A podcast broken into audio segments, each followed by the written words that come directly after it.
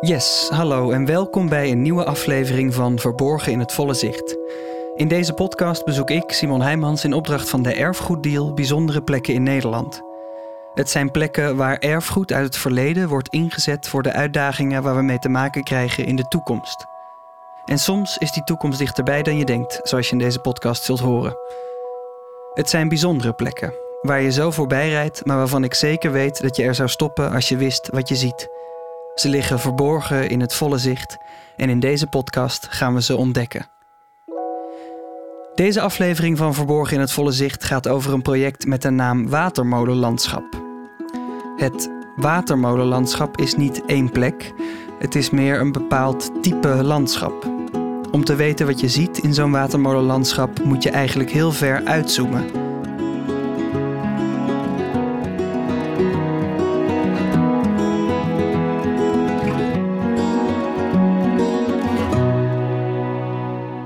Deze aflevering begint iets anders dan je gewend bent. Ik begin deze keer niet bij een deskundige van de erfgoeddeal, maar ik begin bij Wouter.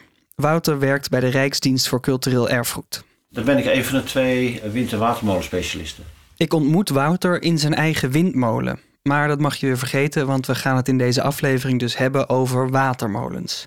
Wouter vertelt me de basics voordat ik zo meteen op pad ga richting Brabant. Want daar wordt een bijzonder project gestart om het watermolenlandschap mee te nemen de toekomst in.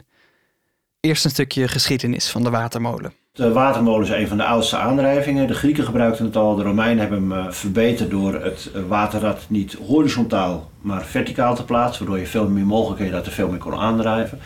En eigenlijk vanuit de Romeinse tijd is die, die watermolen heel langzamerhand uh, Noordwest-Europa uh, binnengetrokken. En bij ons worden de eerste meldingen, sommigen zeggen 500, in ieder geval 800 zijn, zijn al de eerste meldingen van watermolens. Hoe groot of het gebruik van molens zou je de industrie van voor de industriële revolutie kunnen noemen. Met een molen, en dan hebben wij het dus even specifiek over watermolens, kon je bijvoorbeeld grote hoeveelheden graan vermalen door water langs een rad te laten stromen. Wat je nodig hebt is water, stromend water. Sommige stromen zijn, zijn sterk genoeg om daar een waterrad op te zetten. Het stromende water brengt dus een rad in beweging. Aan dat rad zit dan een balk die de kracht overbrengt naar bijvoorbeeld een maalsteen. Maar dat werkt alleen als het water met genoeg kracht langs het rad stroomt om het in beweging te brengen. Als je wat minder stromend water hebt, dan moet je eigenlijk het water ophouden en via een heel klein schutsluisje weer laten ontsnappen. Bij veel watermolens wordt dus gebruik gemaakt van een stuwdam. Om water tegen te houden dat dan op een gekozen moment via een kleinere doorgang langs de watermolen geleid kon worden. Dit heeft op verschillende plekken in Nederland gezorgd voor een bijzonder landschapstype. Als je goed naar het landschap gaat kijken, zou het best wel eens kunnen zijn, en vaak is dat zo bij watermolens, dat juist dat specifieke landschap ontstaan is doordat daar een watermolen stond die het water stuwde. En vaak tot kilometers voor de molen dat het, dat het land blank stond. Ja, hoe dat precies in elkaar zit, daar kom ik zo meteen op terug. Wat je nu nog even moet weten is dat op veel plekken in Nederland het watermolenlandschap op het punt stond om te verdwijnen. Volgens sommigen kwam dat door onder andere de kaderichtlijn water, die in het jaar 2000 werd ingesteld. De kaderichtlijn water is een soort pakket aan regels van hoe we in Europa afgesproken hebben om om te gaan met onze waterhuishouding. Het is een uh, een richtlijn die op zich erg goed is. Hè? Want het is de bedoeling dat rivieren schoner worden. Dat water een, een, betere ja, levenshuishouding heeft voor vissen, planten en voor alles, zeg maar. Andere ambities ook nog bijvoorbeeld dat het uh, mooi zou zijn als de Atlantische zalm weer terugkeert. En uh, het leek erop dat eigenlijk alles daarvoor zou moeten gaan wijken. Dit kan bijvoorbeeld betekenen dat op plekken het waterpeil verlaagd wordt. Of dat bijvoorbeeld een stuwdam die hoort bij een watermolen moet worden weggehaald, zodat bepaalde vissen stroomopwaarts kunnen zwemmen. Dit betekent dan wel dat de laatste historische watermolens die er nog zijn in Nederland niet meer kunnen draaien en dat ook het landschap, dat al eeuwen nat gehouden wordt door zo'n stuwdam, drastisch verandert omdat het waterpeil zakt. Dat is toch gewoon kolder? Moet je kijken hoeveel je op zeep helpt aan cultureel erfgoed ook. Hè? Want je hebt het ook nog over bijvoorbeeld visvijvers. Je hebt het over uh, grachten bij landhuizen of bij kastelen. Uh, misschien bruggen, aqueducten, weet je wel. Dus er is heel veel gerelateerd. Uh, dus hoe ver wil je... Wat is, nou, is het zo belangrijk dat die zalm dan terugkomt? Gelukkig is er nu een initiatief om in Brabant, in een gebied rond drie historische watermolens, Te gaan kijken of de doelen van de kaderrichtlijn water niet op een andere manier behaald kunnen worden. Met behoud van het erfgoed en het bijbehorende landschap dat daar al eeuwen ligt. Een van de initiatiefnemers is Riet. Riet, goedemorgen. Ik spreek Riet in de Hooidonkse Watermolen. Daar woont Riet. Het is op het eerste gezicht een groot huis dat bestaat uit twee delen met in het midden twee grote raderen, waar, je raadt het al, water onder doorstroomt. Het terras aan de achterkant van de watermolen staat vol in de zon en Riet nodigt me uit om daar te komen zitten. Maar dan zou dit een wonderlijke experimentele podcast zijn geworden waarin Riet en ik tijdens ons gesprek de hele tijd verdwijnen in het geluid van kolkend water. Ja, ik ga meteen even luisteren. Ik denk dat ons hele gesprek dan wordt overgenomen door de stroming. Nee, dat gaat in de, in de microfoon gaat dat niet goed. We zijn dus maar binnen gaan zitten voor ons gesprek. Maar ik wilde je dit toch even laten horen, zodat je een idee krijgt van de waterkracht waarmee zo'n molen te maken heeft. Goed. Binnen met een kop koffie in de keuken vertelt Riet dat ze van jongs af aan al wel iets had met molens. Want toen ik heel jong was, dan vroeg mijn vader altijd van waar willen jullie naartoe? Die, nou, die vond het leuk om zondags een ritje te maken met de auto. En dan was mijn voorkeur altijd naar een molen. Maar dat hoeft niet een watermolen te zijn, gewoon een molen. Gewoon omdat ik ze zo mooi vond eigenlijk. Riet was dus gewoon geïnteresseerd en niet heel speciaal een molenkenner. Maar dat werd ze uiteindelijk wel sinds ze is gaan wonen in de Hooidonkse Watermolen. Ja, je mag er gewoon een tijdje op passen, want hij is er al duizend jaar. Hij is ook een stukje van ons allemaal natuurlijk. En wij mogen erop passen, dus eh, ja. Ja, dat zegt Riet heel bescheiden, maar het is ook hard werken. Alles werkt net even anders dan in een gewoon huis. En toen Riet en haar man de molen kochten, was die nog in een heel andere staat. Nou, als je hier gewoon binnenkwam, dan keek je hier in het water. Dus ongeveer tot... tot Ja, en dan bedoelt Riet dus echt dat er geen vloer was in de keuken waar we nu zitten. Naar boven. En dan zag je de vleermuis hangen en spinnenwebben en weet ik veel wat nog meer. Voor de rest was er eigenlijk gewoon niks. Dus gewoon zo'n geen plafond in, het is gewoon een houten gebouw. Riet wist aanvankelijk nog maar weinig over watermolens en hun historische functie. Ze vertelt dat ze deze plek eerst gewoon een heel mooi huis vond. Maar al snel kwam ze erachter dat je met een molen niet alleen het gebouw koopt, maar nog iets. Toen dus op een gegeven ogenblik kregen we te horen dat er ook een hele goede deal bij de koop zat. De stuw die bij de molen hoorde, die, was, eh, ja, die stond eigenlijk... Ja, je hoort, Riet was ondertussen ook even de opgeschuimde melk uit de melkopschuimer in onze kopjes aan het doen. Maar wat ze vertelt is dat bij een molen koop je ook het recht om water op te stuwen in dat gebied. En dat heb je van oudsher als molenaar. Want dat betekent gewoon dat als je denkt van ik wil graan gaan malen... of iets anders, dat kun je gewoon doen. Ja. Het molen- en stuwrecht is een recht dat al zo oud is, in, in het geval van deze molen gaat het om zo'n duizend jaar, dat het voor alle andere regels gaat. Bijvoorbeeld nieuwe regels over de waterhuishouding die, laten we zeggen, in het jaar 2000 werden ingevoerd. Riet en haar man kregen meteen toen ze deze molen kochten een aanbieding van het waterschap om het molen- en stuwrecht aan hen te verkopen. En ja, we hebben toen gezegd tegen het waterschap, laten we dat maar niet doen. En laten we maar gewoon als goede buren samenwerken en kijken wat we van elkaar nodig hebben. Maar ja, jullie zijn toch niet de beste personen om... Toen Riet hier kwam wonen, kwam ze er al snel achter hoe bijzonder het landschap rond de molen was gevormd. Juist door het waterpeil dat hoog gehouden wordt door de stuw die bij de molen hoort. Als het waterschap die had overgekocht, hadden ze het waterpeil kunnen laten zakken. En dat was niet goed geweest voor de omgeving, volgens Riet. Maar wat is er nou zo bijzonder aan een watermolenlandschap? Eh, nou, het feit dat zo'n systeem dat werkt met kwelwater met ongeveer dezelfde hoogtes, waardoor je andere natuur krijgt op andere plekken. Dus er groeien andere planten, maar het ziet er ook anders uit. Dus als je normaal hier buiten kijkt, dan zie je bijvoorbeeld een weiland. Eh, dat wordt in de zomer gewoon gebruikt om te maaien, et cetera. Maar op het moment dat je daar een vochtig weiland krijgt, dan kun je dat een heel gedeelte van het jaar niet gebruiken. Daardoor kunnen er bijzondere dieren leven en planten groeien. Dit hoge waterpeil is kortom goed voor de biodiversiteit. Zo hebben watermolens het landschap al eeuwen gevormd. En dat niet alleen, ze werden ook altijd al gebouwd op heel specifieke plekken in het landschap. De eerste molens die hebben ze natuurlijk op de allergunstigste plekken gebouwd. En die allergunstigste plekken, die, eh, ja, dat waren plekken waar of de beek een beetje smaller was of waar je een breuklijn had. En op die plekken daar heb je dus iets meer verval en ook iets meer kracht van het water. Dus dat waren ideale plekken om te zeggen van daar gaan we de molen neerzetten. En de aller, Je zou dus kunnen zeggen dat de molens al door het landschap uitgenodigd werden op die plekken waar ze zijn gebouwd. En daar hebben ze door de eeuwen heen het landschap verder verrijkt. En op een gegeven ogenblik, midden vorige eeuw, toen kwam natuurlijk gewoon, uh, ja, boeren die moesten toch gewoon heel veel kunnen produceren vlak na de oorlog om te zorgen dat er geen honger meer kwam. En toen is eigenlijk besloten van nou gaan we even kijken of we die boeren optimaal de kans kunnen geven om uh, de grond te gebruiken. En, en uh, toen kwam ook de ruilverkaveling en werd ook gekeken van nou kun je dat dan in de beek doen. En die watermolens die werden toen eigenlijk al niet meer gebruikt om de kost mee te verdienen. Door de eeuwen heen verschoven de belangen. De molens hadden al steeds meer hun functie verloren door de opkomst van de industriële revolutie. Stoommachines konden bijvoorbeeld altijd werken of er nou wel of geen stromend water was. En midden vorige eeuw verschoven de belangen nog meer in de richting van steeds efficiënter gebruik van het land voor de landbouw. Na de Tweede Wereldoorlog begon Nederland daarom met de ruilverkaveling. De ruilverkaveling en het belang om uh, ja, die landbouw uh, gewoon goed weg te zetten, zodat ze gewoon konden zorgen dat er ja, veel levensmiddelen geproduceerd konden worden. Dus ruimte voor de koeien, mais. Tel daar nog bij op dat we ons ook voor de landbouw steeds meer gingen richten op het zo snel mogelijk afwateren van het land. Meanderende beken werden omgeleid naar rechte slootjes en kanalen, zodat het water snel naar zee kon en ons land droger en dus beter geschikt was voor de landbouw.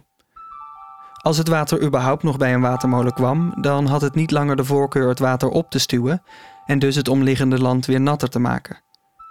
En zo verdwenen veel andere watermolens, zoals ook in de omgeving van Rietswatermolen. Ja, ja. en ja, net zoals bij Wolfswinkel, dat is uh, ja, eentje die verdwenen is. Hier bij Son heeft er nog één tussen ingestaan tussen Wolfswinkel en deze.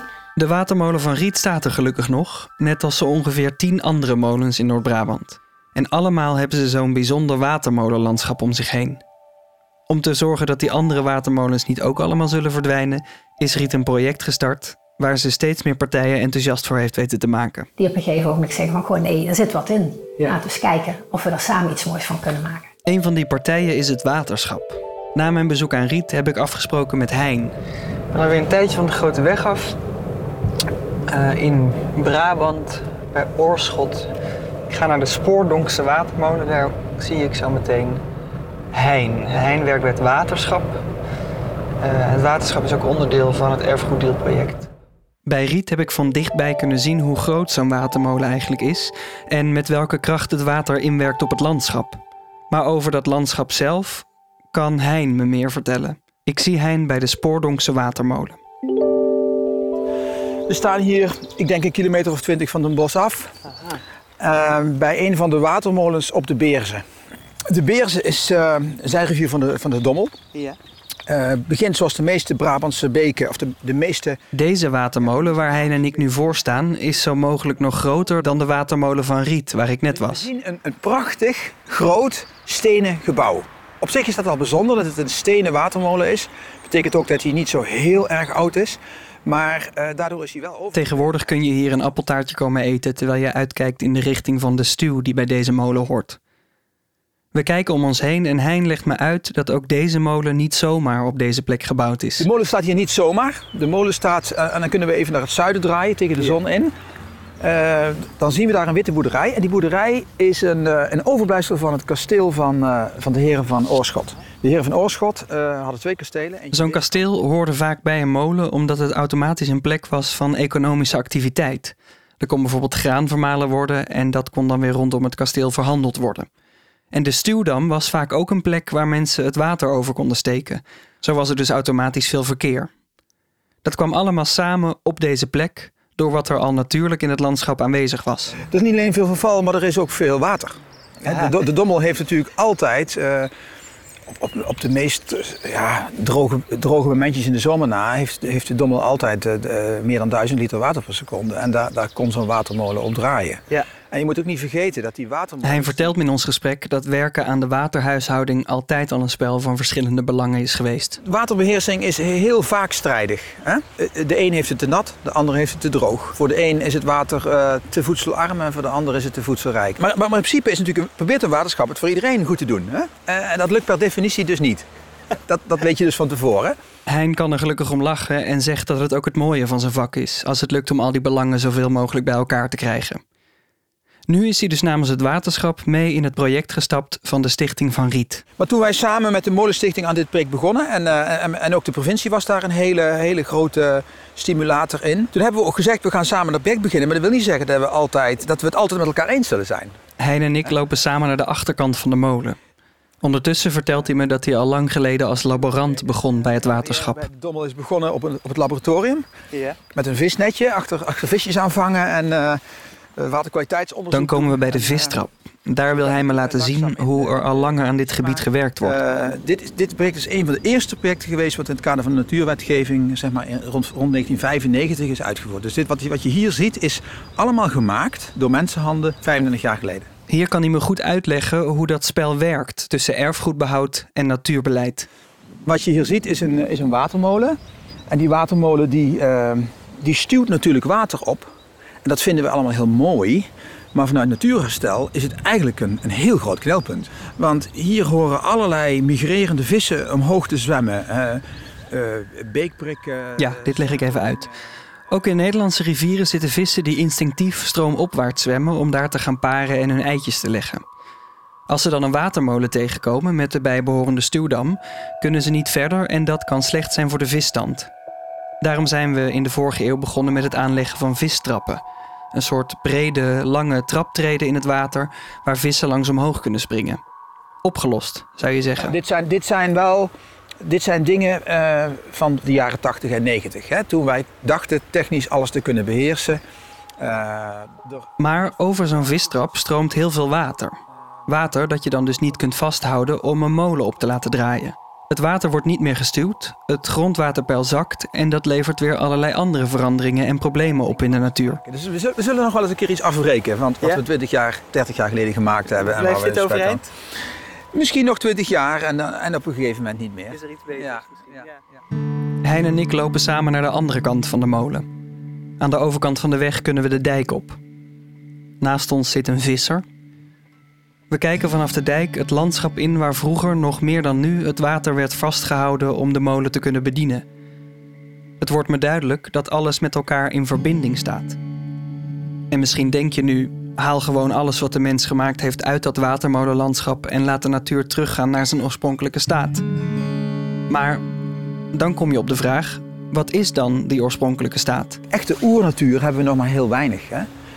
Wat wij nu natuur noemen, dat is heel vaak het, het gevolg van menselijk ingrijpen in de, in de geschiedenis. Dat geldt ook voor de meeste van onze bossen.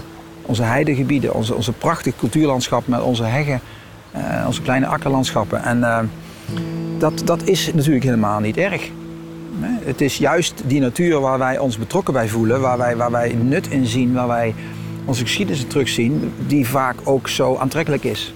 Zo valt natuur en erfgoed dus als vanzelf samen op deze plekken als het watermolenlandschap. We willen dat dus niet alleen behouden, maar we moeten het ook bestendig maken tegen de uitdagingen die in de nabije toekomst op ons afkomen. Nou, ik denk dat het kantelpunt is dat wij. eh, ik denk dat het besef vooral gekomen is dat we nu in, in een korte periode een aantal hele droge zomers gehad hebben. Eh, waardoor we er echt last van beginnen te krijgen. En, en, en, en ook de wens om water. Hè. Je ziet ook dat de, de klimaatverandering heeft ook effect bijvoorbeeld in de stad. Hè. Men noemt dat wel eens hittestress. Hè. Eh, In, in de stad is het vaak nog heter.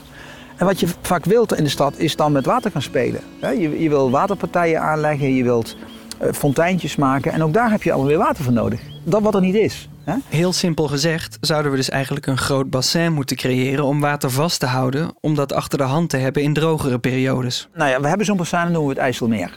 Maar ik zie in Brabant nergens een IJsselmeer. Hè. Dus de hoeveelheden water die je nodig hebt, die zijn dusdanig groot dat je dat nooit kunt realiseren. Zo'n bassin is dus niet haalbaar, maar een gigantische spons, dat kan wel. Daarvoor hoeven we alleen maar te kijken naar hoe het landschap al eeuwen in elkaar stak, sinds de komst van de watermolens. Hein wijst het me aan vanaf de dijk. Ja, en er zijn ook wel kleine plekjes waar we die, eh, zoals deze, hè, waar we die spons boven de grond kunnen maken. Eh, maar eh, de hoeveelheden zijn zo groot dat. eh, Het wordt een gigantisch project om dit soort plekken weer in te gaan zetten om de klimaatverandering te remmen en misschien wel om te keren. Maar als we dat doen, is er nog hoop, volgens Hein. ja, door de goede keuzes te maken, de middelen die we hebben hè, op de goede plekken te gebruiken, kunnen we, kunnen we, ik denk heel veel zaken kunnen we nog eh, herstellen. En dat gaat over veel meer dan ik je in deze korte tijd kan uitleggen.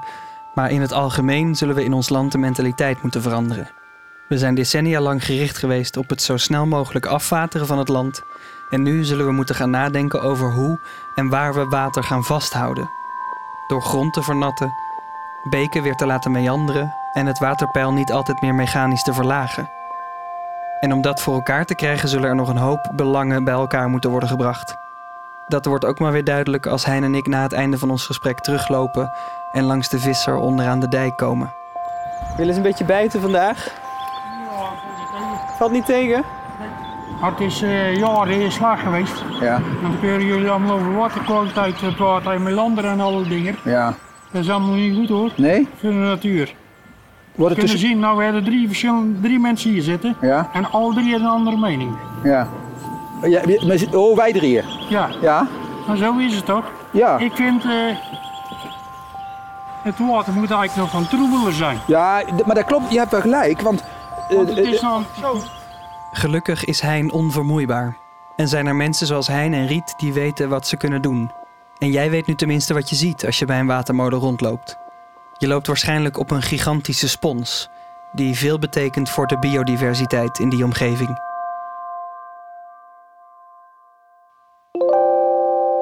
Je luisterde naar Verborgen in het Volle Zicht, een podcast van Simon Heijmans in opdracht van de Erfgoeddeal. Muziek in deze podcast is van Amir Vahidi en de audiomix werd gedaan door Sam Huisman. Wil je meer weten over wat de Erfgoeddeal doet? Kijk dan op www.erfgoeddeal.nl.